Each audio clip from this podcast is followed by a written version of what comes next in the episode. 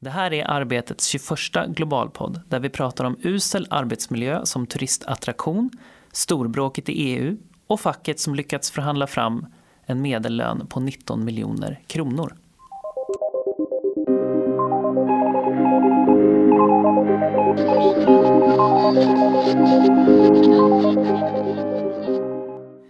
Hej och välkomna till den 21 Globalpodden och vi som sitter här det är jag, Kim Nilsson, webbredaktör på Arbetet och så har vi Erik Larsson och Ivar Andersen på Arbetet Global som vanligt. Ja, hej. Välkomna! Hej, hej. Eh, vi brukar ju i det här programmet prata lite grann om aktuella händelser och annat och det är väl svårt att ha undgått det svenska valet det här senaste veckan men eh, jag tänkte lite mer, ni har ju säkert haft annat för er också. Kan Ja. ni berätta lite om det? Ja, jag har i alla fall varit i, jag kom precis hem från Strasbourg. Där har varit en jättespännande session och i EU-parlamentet. Det är den första efter sommaruppehållet.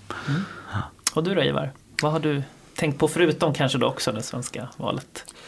Ja, ibland är det ju faktiskt lite skönt att, eh, att arbeta med utrikesfrågor. För, ehm, kollegorna här på arbetet har ju givetvis gjort ett maratonjobb men de såg lite bleka ut när valet slutligen var över. Jag har haft privilegiet att eh, sitta och jobba med ett eh, långt arbete från eh, Indonesien istället. Mm. Spännande, det ska vi ju såklart återkomma till. Men först så ska vi ju också passa på att säga att ni två är ju faktiskt upptagna med någonting annat också som kommer snart, nämligen Bokmässan. Ja, precis. Berätta, vad är det? Eh, Eller vad ska ni göra där? ja, Bokmässan drar igång eh, i Göteborg. Det ska bli jättespännande att se om det kommer att vara lika mycket folk som eh, tidigare. Förra året var det ju, var det ju ganska intressant att vara där för att eh, den här eh, NMR-demonstrationen kommer ju att Mm. prägla hela det året. Där, va? Och det ska bli intressant att se om det har blivit flera avhopp efter det. Men vi ska i alla fall vara där arbetet global, även om inte arbetet har någon monter i år. Och, och då arrangerar vi fyra olika seminarier. Spännande, ja. Ja, ja, ja det, det blir jättekul och vi sitter nu i planeringsstadiet och sådär. Kan du berätta någonting vad det är ni, de här seminarierna kommer handla om? Ja, ett har vi den glada titeln Döden på den globala arbetsmarknaden. Och sen så har vi ett eh, seminarium om hoten mot journalister i världen. Och sen så är det också hur Kina, på, hur Kina gör ju enorma infrastrukturinvesteringar och inte bara infrastrukturinvesteringar. Man försöker skapa en, den så kallade nya sidenvägen. Eh, Eh, och eh, då tittar vi på hur de här investeringarna kommer att påverka fackliga rättigheter och samtalar bland annat med Kina-experten Ola Wong. Och sen så har vi en eh, stor rapport som eh, går igenom hur, eh, svenska, hur arbetare skildras i den svenska utrikesbevakningen. Och den har IVA gjort. Och den håller vi, det, det blir en jättehäftigt seminarium med eh, Erik de la Regera som skriver för eh, Dagens Nyheter. Som har jobbat på Arbet Global? Ja, som jobb, just det, som ja. vi Mm. började ju den här. Och sen så är det Moa Tjärnstrand också som har skrivit Ja. den här äh, intressanta boken Modeslavar som kom för ett par år sedan Just som handlar om kambodjanska textilindustrin. Mm. Och båda har ju rapporterat om arbetare men för stora medier och sådär också. Så det ska bli jättekul. Liksom, Ja, nej, men det låter spännande. Annars var det kanske inte så, just så muntra ämnen kanske som, som ni skulle ta upp där. Men eh, ja, omvärlden är ju inte alltid så munter, eller? Inte alltid. Vi försöker eh, hålla humöret uppe ändå. Mm. Ja, och då kanske vi ska gå vidare då och prata lite mer om det här, de här nyhetshändelserna som har varit. Erik, du hade ju varit i Strasbourg. Ja, exakt. Mm. Och det var en jättespännande session där. Det, hände, det var otroligt många stora beslut och det var Mm. som sagt var den första sessionen efter sommaruppehållet. Och sådär.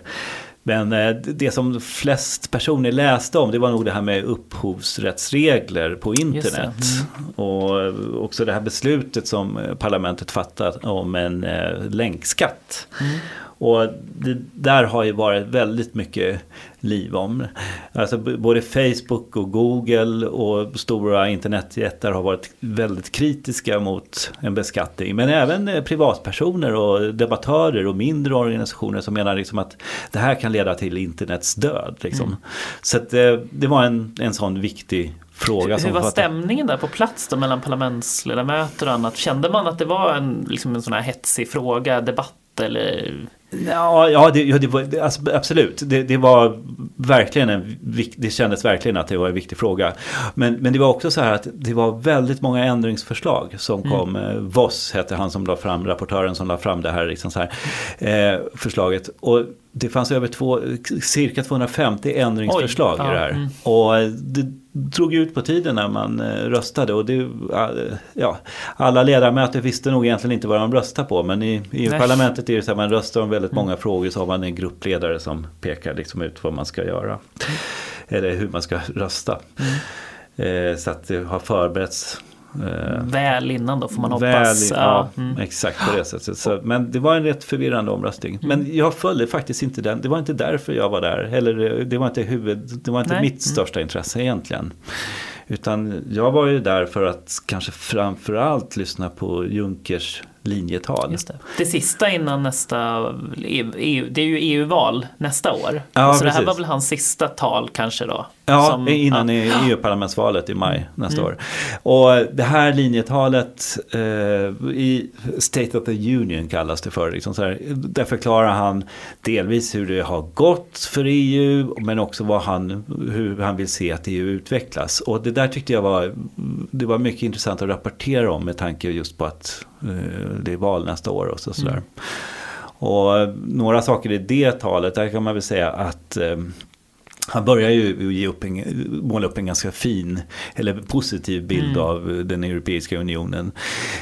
Vi finns i en union där arbetslösheten sjunker, ekonomin växer och så vidare. och så vidare då liksom där. Eh, sen så sträckte han också ut en hand till Afrika, vilket jag tyckte var mm. intressant. Så prata om ett afrikanskt partnerskap. Mm.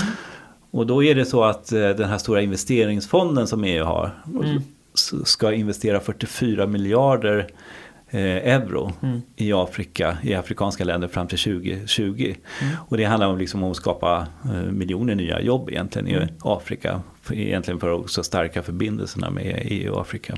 Så det var en sån sak som var mycket intressant. Sådär. Du har ju hört hans tidigare tal lite grann också. Liksom, kände man att det här var något form, lite mer ett avslut då i och med att det kommer ett val sen? Eller liksom, var det någon skillnad Nej, jag hade här? nog faktiskt förväntat mig att det skulle vara lite mer pompöst och lite uh, visionärt på något sätt. Mm. Han tog ju upp, han varnar för nationalism, en, en, vad han kallar för en dålig nationalism. Mm. Och uppmuntrade till en eh, nu ska vi se vad ordet var. Det, eh, patriotism. Pat, patro, nu tappar jag orden här. Mm. Men, men, eh, till en positiv patriotism. Liksom, mm. så här, att eh, eh, människor ska vara stolta över sitt land och kämpa för, för det och så vidare. Men den här högerpopulistiska nationalismen som bland annat Viktor Orban mm. förespråkar då varnar han kraftigt ifrån. Sen sa han lite om Brexit också mm. och var lite positiv till eh, Mays förslag på en lösning i den här svåra Brexit-lösningen. Ja. Men jag ska inte vika ut texten för mycket om det tänkte jag. Men, mm.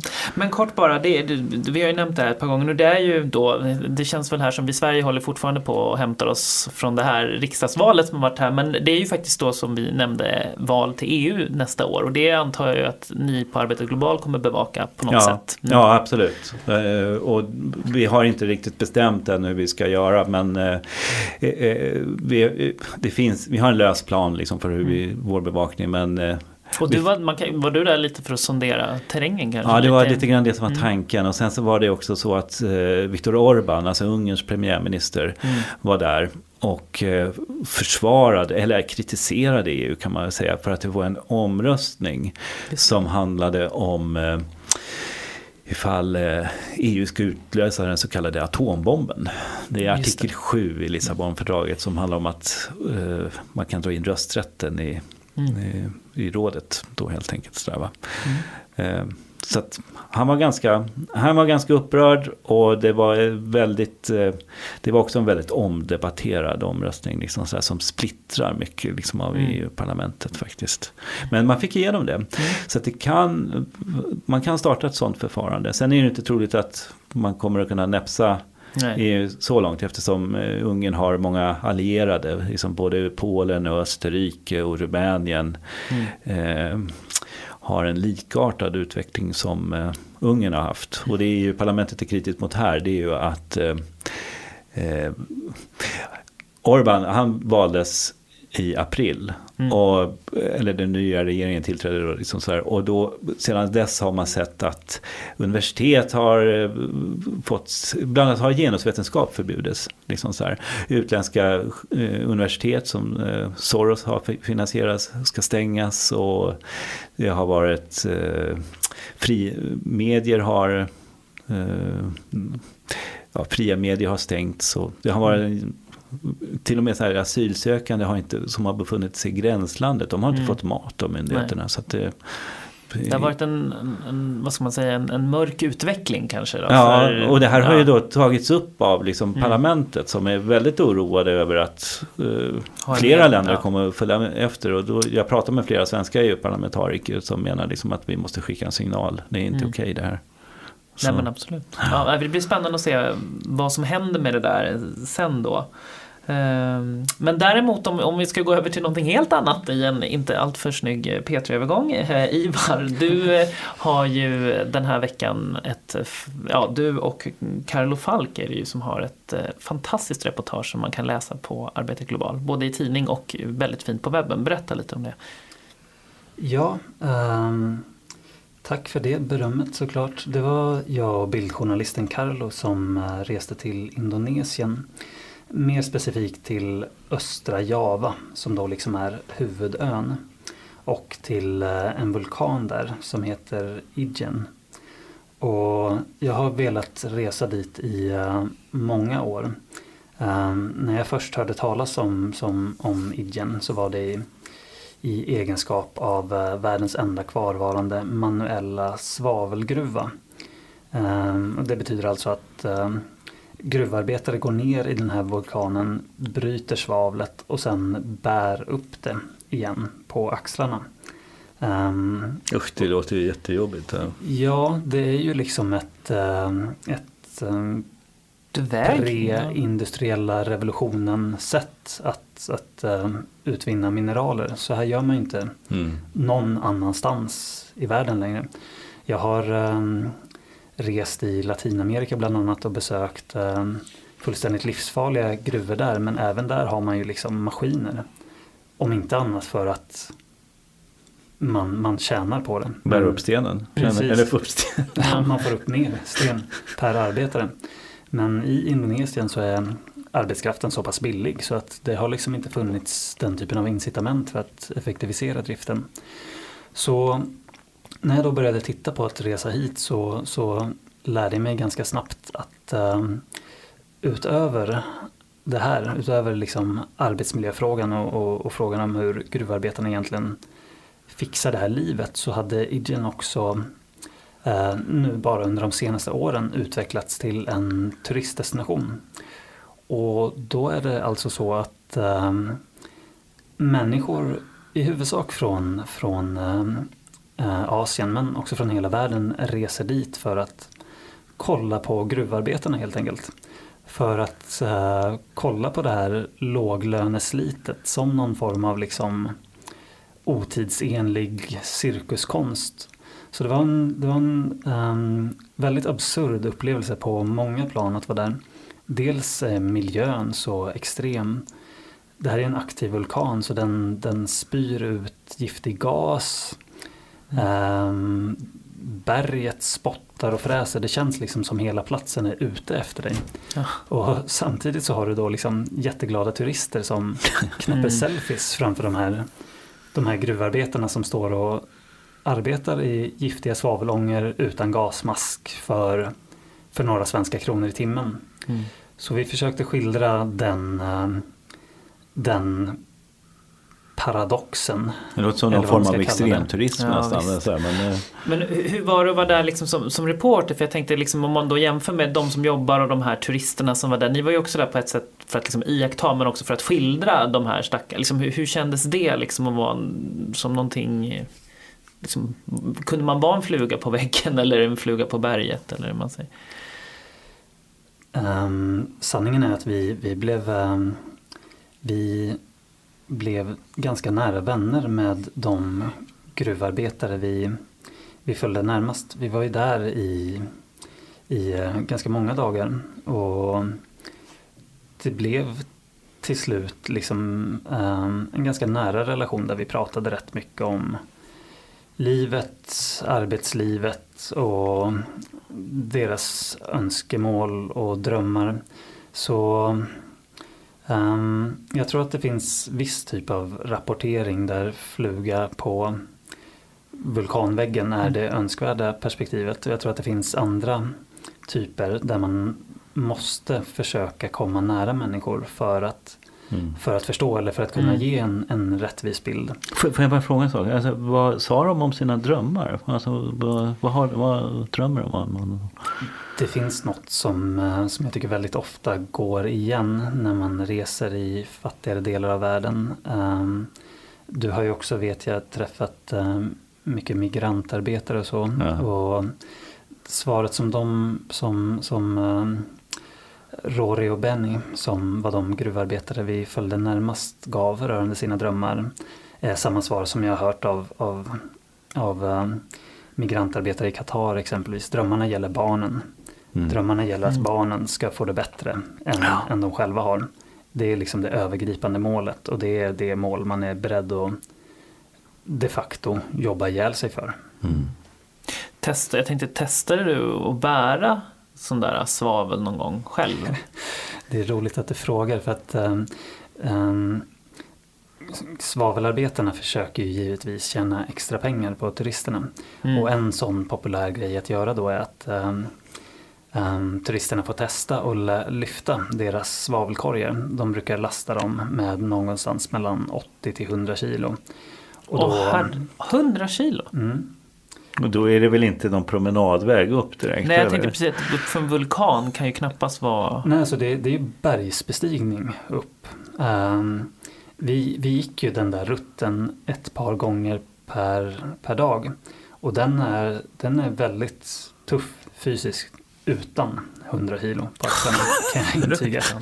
Men testade, testade du då? Hur? Ja, jag, jag testade. Um, och Um, jag fick lite ryggdunkar av svavelarbetarna. De tyckte att jag gjorde ett bra jobb med att lyfta det. Men um, jag bar inte upp det. Och um, hade jag ens gett mig på att försöka så hade det nog jag vet inte om jag hade kommit upp men hade jag gjort det så hade jag behövt ett par dagars återhämtning. Jag och de gör det här sex dagar i veckan eller? Ja, så det, det, är ju grejen. Det här är en, en del av, um, av det sorgliga med att de försöker ju göra det så mycket de bara kan för att ju mer svavel du bär desto mer pengar tjänar du till mm. familjen. Desto mer pengar tjänar du till barnens utbildning.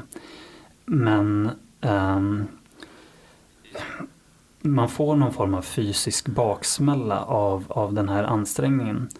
Så det vanliga är ju liksom att de bär ett par dagar i rad och sen blir de helt utslagna och, och liksom mm. kan inte göra något på ett par dygn. Och det här är också de har en lokal kultur där, där man pratar väldigt mycket om vikten att vara stark. Mm. Det, är liksom, det är en slags dygd och det är inte bara någonting som sitter i, i musklerna utan det är också en del av, av karaktären. Så det, det var liksom lite skamfyllt där för dem när man inte orkade bära mm. längre.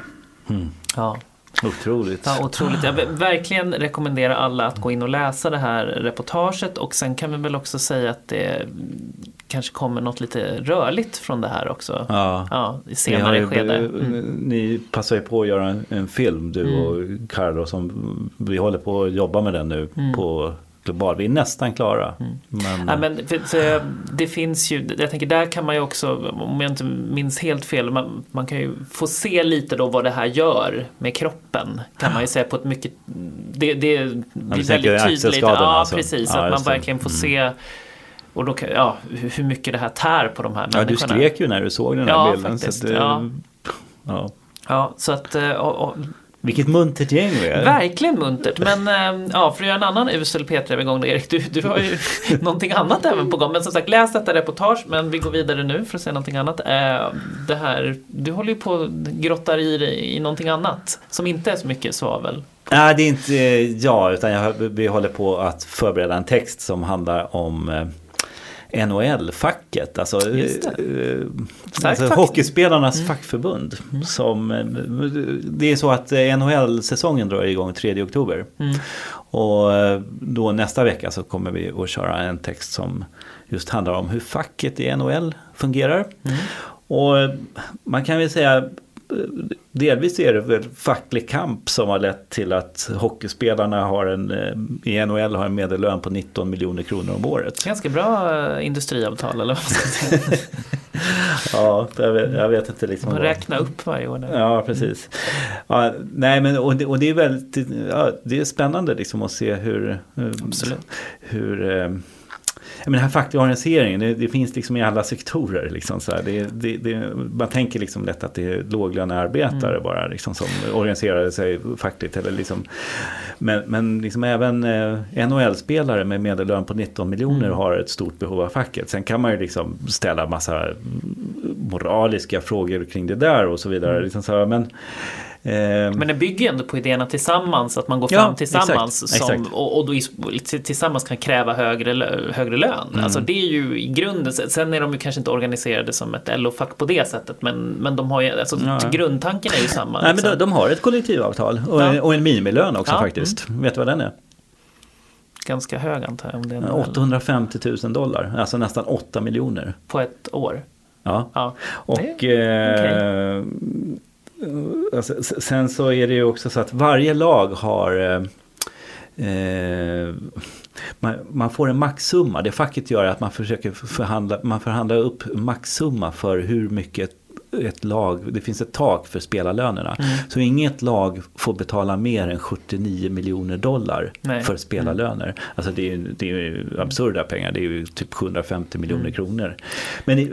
Men, och det här är ju, varje lag har det här som tak. Mm. Sen finns det någon bottennivå där också. Då, liksom, Men då vill man ju få upp taket såklart. Så att man, Ja. ja. hela tiden. Och sen antar jag att det finns stora spelare som de har ju egna sponsorer, kontrakt, alltså de Ja. som får ytterligare pengar för att ja. Man kan räkna det här med spelarlönerna på lite olika sätt. Men den som, eh, eh, ja, det sättet som vi har valt att titta på det. Så den som tjänar bäst är den här 21-åriga kanadensaren som heter Connor McDavid. Mm. Som han har en eh, medelinkomst eller medellön, årlig medellön på 12,5 miljoner dollar. Det Alltså det är-. Mm. kan man leva på. ja, kan man tänka på de här som går 120 och plockar svavel i kronor då, Indonesien liksom. för ett par kronor om Ja, dagen. Ja, det, det är ju lite märkligt då liksom att vi kör det här repet Mm. eh, efter ditt då Ivar. Så. Men du, du har väl också någonting på gång nu här Ivar efter? Ja, s- kanske inte riktigt hockeyrelaterat men, men jag håller ehm, som bäst på att förbereda mig mentalt för att spela innebandy med LO Mediehus i eftermiddag.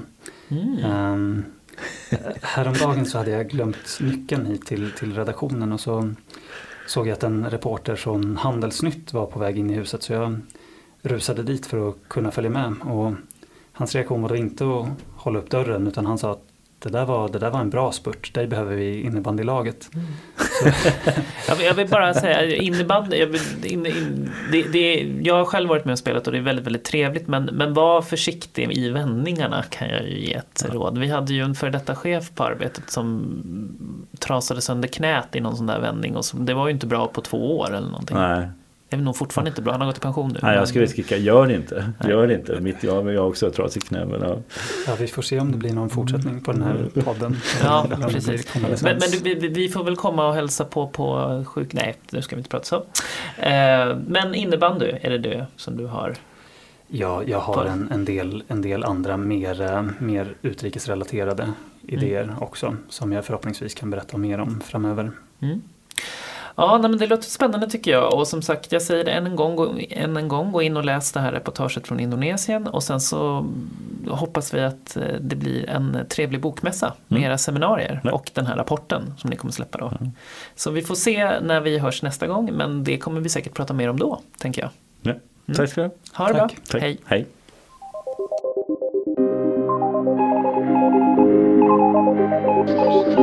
Thank you.